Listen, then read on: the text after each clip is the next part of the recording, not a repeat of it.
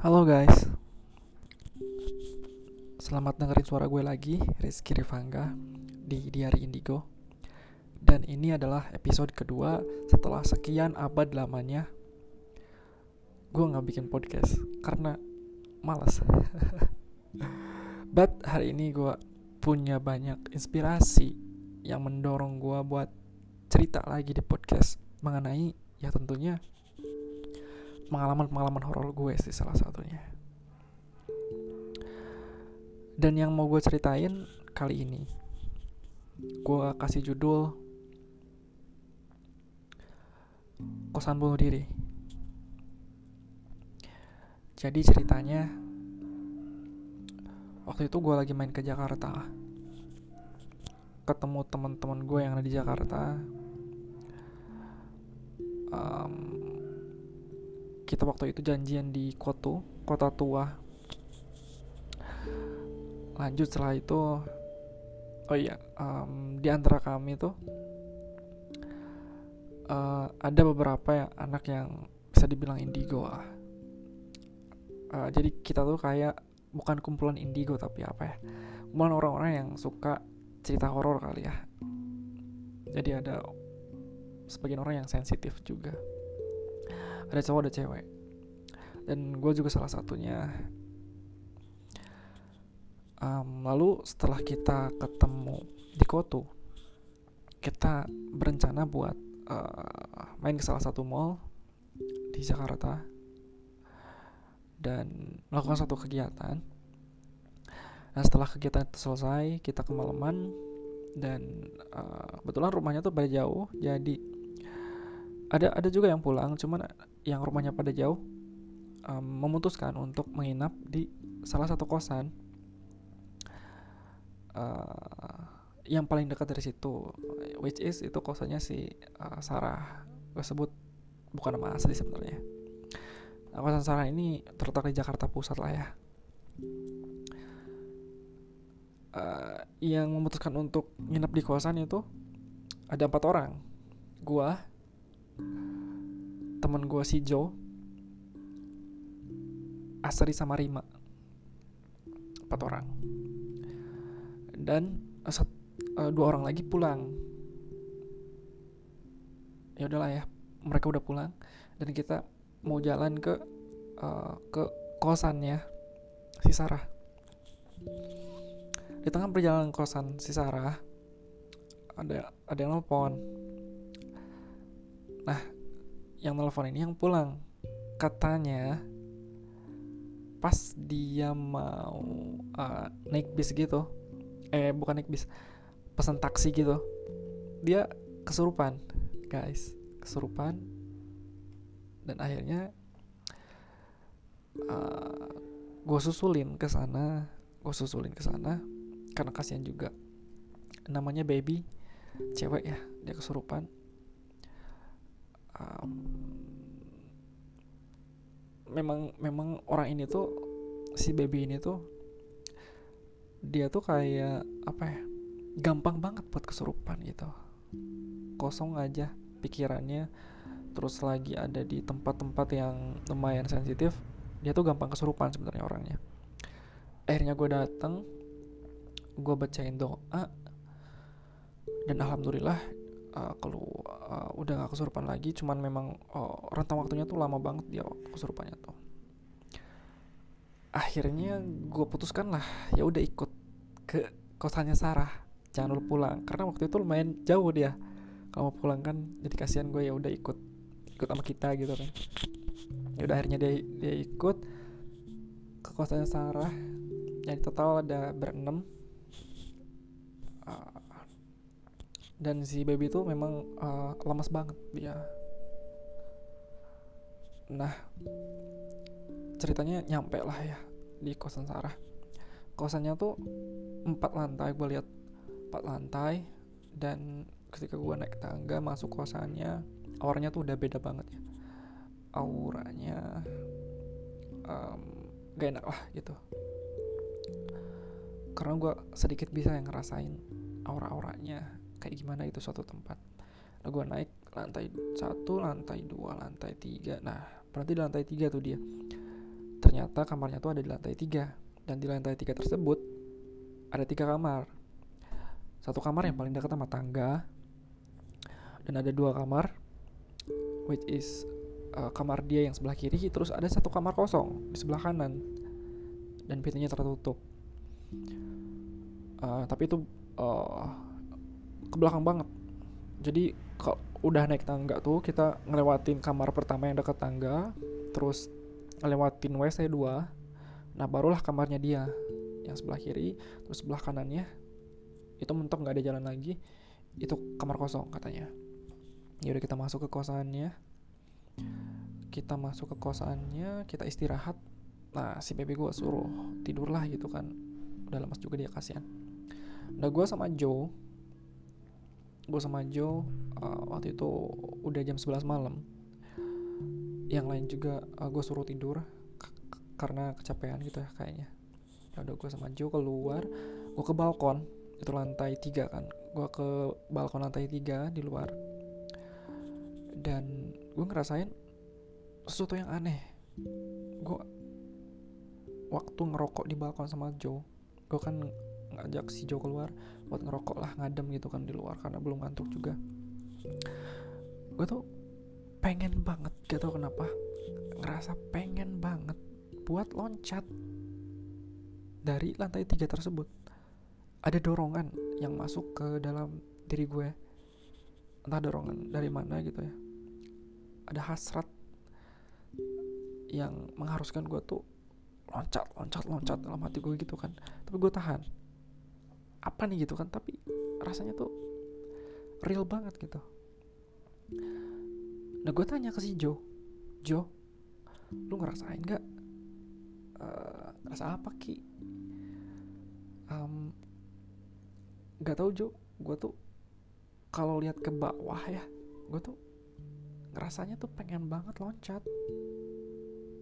Dan si Jo dia langsung langsung diem. Si Jo diem dan dia langsung ngajak gue ke dalam. Sen dulu ki itu padahal rokoknya masih panjang dia matiin. Rokok juga rokok gue juga masih panjang gue matiin. Dan gue ikut si Jo ke dalam. Dan di perjalanan menuju ke kamar dia bilang gue juga sama. Tapi gue ada yang bisikin. Kayak suara cewek dia bilang loncat loncat loncat kayak gitu kayak wajar gue di situ merinding lah. Nah itu kan jalan ke kamarnya dia tuh kan dari balkon tuh lewat dua WC itu. Ketika si Jong ngomong kayak gitu dan kita udah ngelewatin WC kedebuk ada suara dong dari WC-nya padahal itu WC nggak ada siapa-siapa lampunya mati. Dan gue merinding banget gue langsung buka pintu gue masuk pintu gue tutup lagi pintu tuh nah terus? Pas di situ ternyata posisinya uh, mereka tuh belum pada tidur kecuali si baby si baby udah tidur. Dan gue sebenarnya nggak nggak nggak mau apa ya menghancurkan suasana ya. Tapi gue penasaran gue curious sebenarnya apa ada apa di sini? Kok bisa kayak gini gitu kan? Gue pengen nanya ke si Sarah. Rah sebenarnya um, di sini tuh ada apa gitu kan. Dan lu ngerasain suka ada kejadian apa di sini. Um, tapi sebelumnya ini ini gue um, feeling gue ya. Ini feeling gue dulu. Um, jadi sebelum gue nanya ke si Sarah gue gue nyeritain feeling gue dulu bahwa rah gue tuh ngerasa di kosan ini tuh ada ada ada satu sosok yang merasa nggak tenang jiwanya dan dahulunya tuh dia tuh pernah um, melakukan sesuatu yang hal yang gak lazim lah menurut gue dan itu cukup mengganggu uh, orang-orang di sini. Itu menurut feeling gue ya. Berdasarkan apa yang gue alamin tadi pas di balkon. Dan feeling gue kayak berkata kayak gitu. Dan akhirnya akhirnya akhirnya si Sarah ngomong dong. Tapi sebelum ngomong dia dia kayak raut muka. Apa ya? kayak orang yang benar-benar udah gak kuat lagi. Orang yang udah benar-benar sedih. Awalnya tuh mukanya tuh ngerut banget gitu kan. Dan akhirnya teteslah air mata dari matanya itu. Dia nangis. Ya dia nangis. Gue bilang udah Rah jangan nangis.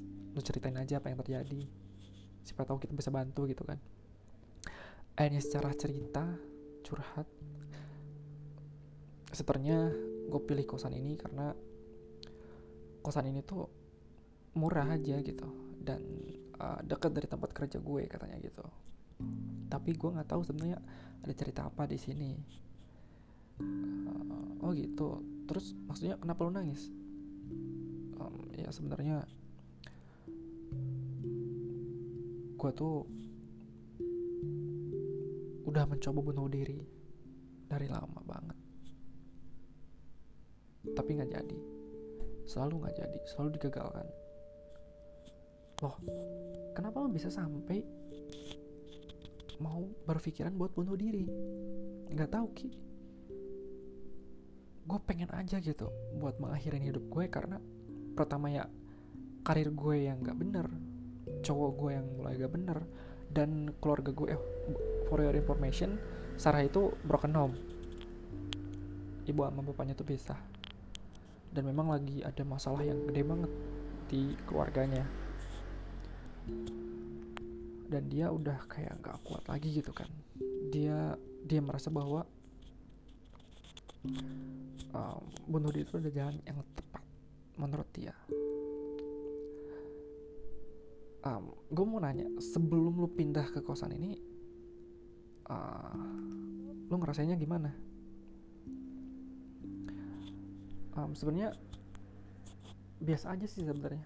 Tapi memang masalah-masalah um, ini tuh timbulnya ketika gue beberapa bulan setelah pindah ke kosan ini. Oke okay. uh, terus ada nggak sih kejadian aneh yang selalu lu uh, alamin waktu kos di sini?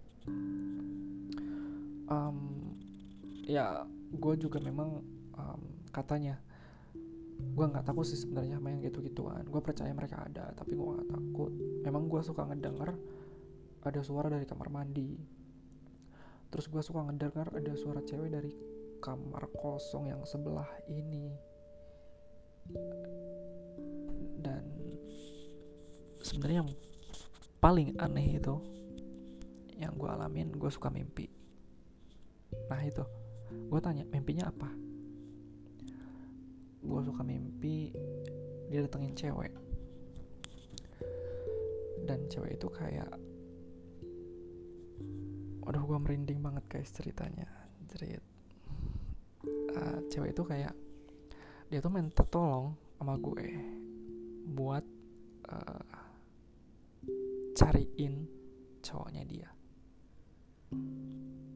Um, dan mukanya tuh bener-bener rusak banget. Dia pakai baju putih katanya. Oke. Okay. Si Sarah ngejelasin secara detail mengenai penampakan wujudnya. Tiba-tiba dong si baby bangun. Jadi bangunnya tuh kan biasanya kalau bangun dia tuh mm, gitu kan apa dulu ngomong apa dulu? Tapi ini langsung bangun bangun tegap gitu duduk sambil tegap. Kan dia tuh ngadepnya tuh ke sana ngebelakangin kita bangunnya tuh tegapnya tuh. Dia balik ke belakang slow mo gitu. Slow motion. Pelan-pelan balik ke belakang matanya warna merah. Sambil melotot.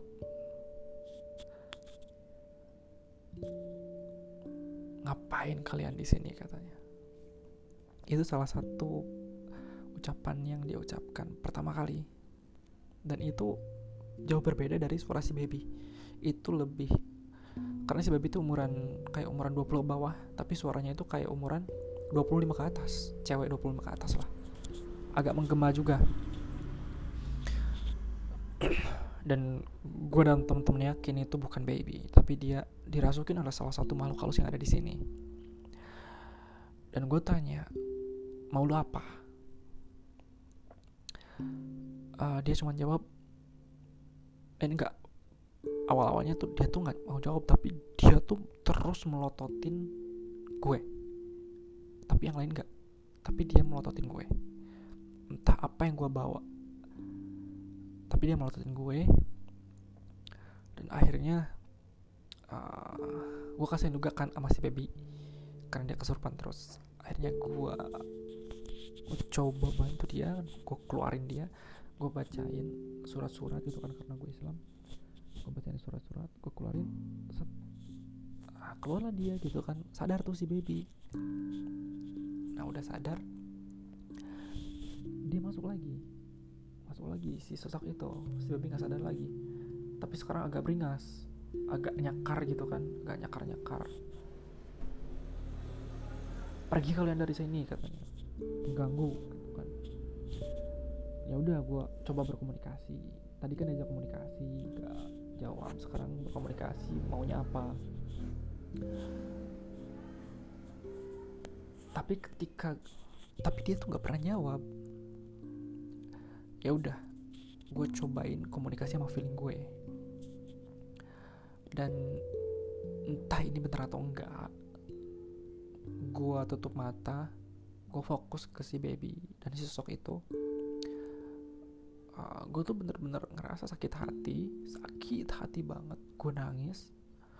Terus uh, ah, gue kebayang kebayang ada uh, salah satu cowok yang selalu datang ke kamar itu kamar sebelah itu ya. Dia selalu datang ke kamar itu rajin datang gitu kan. Um, sampai pada akhirnya si cowok itu nggak datang lagi. Dan uh, gue lihat ada di bayangan gue uh, cowok itu lagi megang kayak tespek gitulah kayaknya hamil deh. Nah gue lihat di bayangan gue si cewek itu terus nunggu di kamar itu dan cowok itu nggak pernah datang lagi. Dan akhirnya akhirnya ini yang paling bener-bener gak enak gue lihat dia si cewek itu dia keluar. Terus dia ke balkon. Beberapa saat di balkon. Dia lihat ke atas. Jelas banget vision gue. Terus dia lompat ke bawah. Dan dari situ udah black. Dan ada satu pesan dari dia. Kayak tolong cariin cowok itu dan minta tanggung jawab. Kayak gitu yang bilang sama gue. Akhirnya gue buka mata gue sambil air mata gue masih ada gue sambil nangis. Ya udah lu keluar dari tubuh teman gue gue gue gak janji tapi gue coba buat cari informasi tentang cowok yang udah melakukan ini sama lo gue bilang gitu aja kan tapi lu keluar dulu dan baik-baik gitu kan jangan kayak gini. Tapi dia tuh malah marah. Kayak kayak dia tuh kayak dia tuh tahu gitu niat gue tuh cuman pengen dia tuh keluar bukan mau bener-bener bantuin. Dia tuh mah malah bener-bener melotot lagi dan akhirnya si Sarah si Sarah tuh buka lemarinya. Dia dia kebetulan si Sarah, si Sarah ini tuh Kristen ya. Dia buka lemarinya. Dia tuh ngambil rosario punya dia rosario tuh kayak salib gitu kan. Rosario. Karena si itu pernah aktif di gereja gitu. Terus dia uh, kayak tempe uh, kayak arahin si rosario itu ke ke si baby. Dan dia baca-baca entah itu bacanya gimana cuman uh, uh, dari agama Kristen kan. Dan gue juga karena kasih nama si baby ya udah gue baca-baca lagi gue baca surat yasin uh, ayat kursi. Gue baca ayat kursi. Yasin kepanjangan. Gue baca ayat kursi al-falaq anas itu kan. Dan gue baca al-fatihah gue bilang Jo minta air. Gue bacain tuh ke air. Uh, nah pas si, si ro, dia itu kena rosaria itu kan Rosario itu di, dikenain ke tubuhnya itu dia tuh kepanasan. Dia kepanasan. Terus gue gue bacain ke air al-fatihah dan sebagainya gue semburin tuh ke mukanya. Buah gitu kan. Gue bilang keluar lu gitu kan. Akhirnya si baby sadar. Setelah gue sembur si baby sadar dan um, si Sarah cerita Ki tadi yang lu omongin pas lu sambil nangis itu itu bener yang ada di mimpi gue juga. Dia juga gitu. Oke okay, dan ini bener-bener relate. Dan akhirnya setelah si baby sadar gue minta si baby buat uh, fokus dan baca-baca surat. Dan gue ngasih saran ke si Sarah buat jangan ngekos lagi di situ. Gue saranin dia buat pindah secepatnya karena kosan ini membawa aura yang gak baik buat lu. Gitu kan mau gimana pun gak akan baik gitulah kecuali memang si makhluk ini dipindahin. Tapi uh, gak usahlah kita pindah-pindahinnya kayak gitu. Mending kita aja yang pindah daripada berusaha yang sama kayak gitu. Um, dan gua nah gitulah ya untuk malam pertama itu akhirnya beres. Gak ada apa-apa lagi kecuali merinding dan lainnya. Dan suara-suara yang bener-bener duk duk duk gitu kan di luar gitu kan di luar kamar kita. Kita ignore kita biarkan dan kita coba untuk tidur. Dan setelah paginya gue penasaran. Gue pengen tahu sebenarnya ada apa di kamar sebelah. Dan gue gue masih Jo Jo kita bukalah kamar sebelah. Kita cari tahu sebenarnya ada apa gitu kan gue buka kamar si Jo. Dan gue buka lat. Itu sebenarnya kosong cuman ada satu ada satu uh, lemari belajar. Nah di lemari belajar itu kan ada ada kayak rak lacinya gitu. Nah gue buka lacinya dan itu ada foto foto-fotonya dia. Terus kayak ada bukan kain apa ya? Kayak ada tali warna putih tali warna putih panjang. Terus ada surat. Ada surat terus ada tespek dan gue tutup lagi sebenarnya gue gue bener-bener gak mau ikut campur. Tapi gue cuma penasaran doang. Gue tutup lagi. Gue buang jauh-jauh gue tutup lagi kamarnya. Jo ya udahlah biarin. Nah dari situ gue tutup lagi kamarnya. Terus itu padahal pagi loh. Pas gue tutup kamarnya gue denger suara nangis dari dalam. Nangis cewek. Aja merinding banget gue. Dan gue gak mau gak mau berlama-lama di situ karena gue bukan dukun gue bukan seorang pengusir setan atau pembantu jin atau yang ngebantuin jin maksudnya atau apa pun gue mencoba to be normal menjadi menjadi orang biasa kita gue saranin untuk teman-teman buat pulang aja dan gue saranin ke Sarah buat pindah aja dari kosan itu. Nah teman-teman singkatnya untuk episode kedua ini seperti itu aja. Mohon maaf kalau ada bahasa-bahasa yang kurang enak atau uh, gimana pun adanya tapi cerita ini based on real story bener-bener real story. Dan sebenarnya gue sempat nanya sama si punya pem pemilik kosnya dan ini bener-bener kejadian nyata. Dan gak pernah ada yang betah ngekos di situ lebih dari lima bulan katanya. Tambah merinding gue. Akhirnya tak lama dua minggu dari situ si Sarah pindah kosan. Dan gue nggak tahu lagi sampai sekarang kosan itu ada isi atau enggak. Ah cukup sekian untuk episode kedua cerita kosan bunuh diri. Nantikan cerita-cerita gue selanjutnya sama Rizky Rifangga di hari Indigo. Bye bye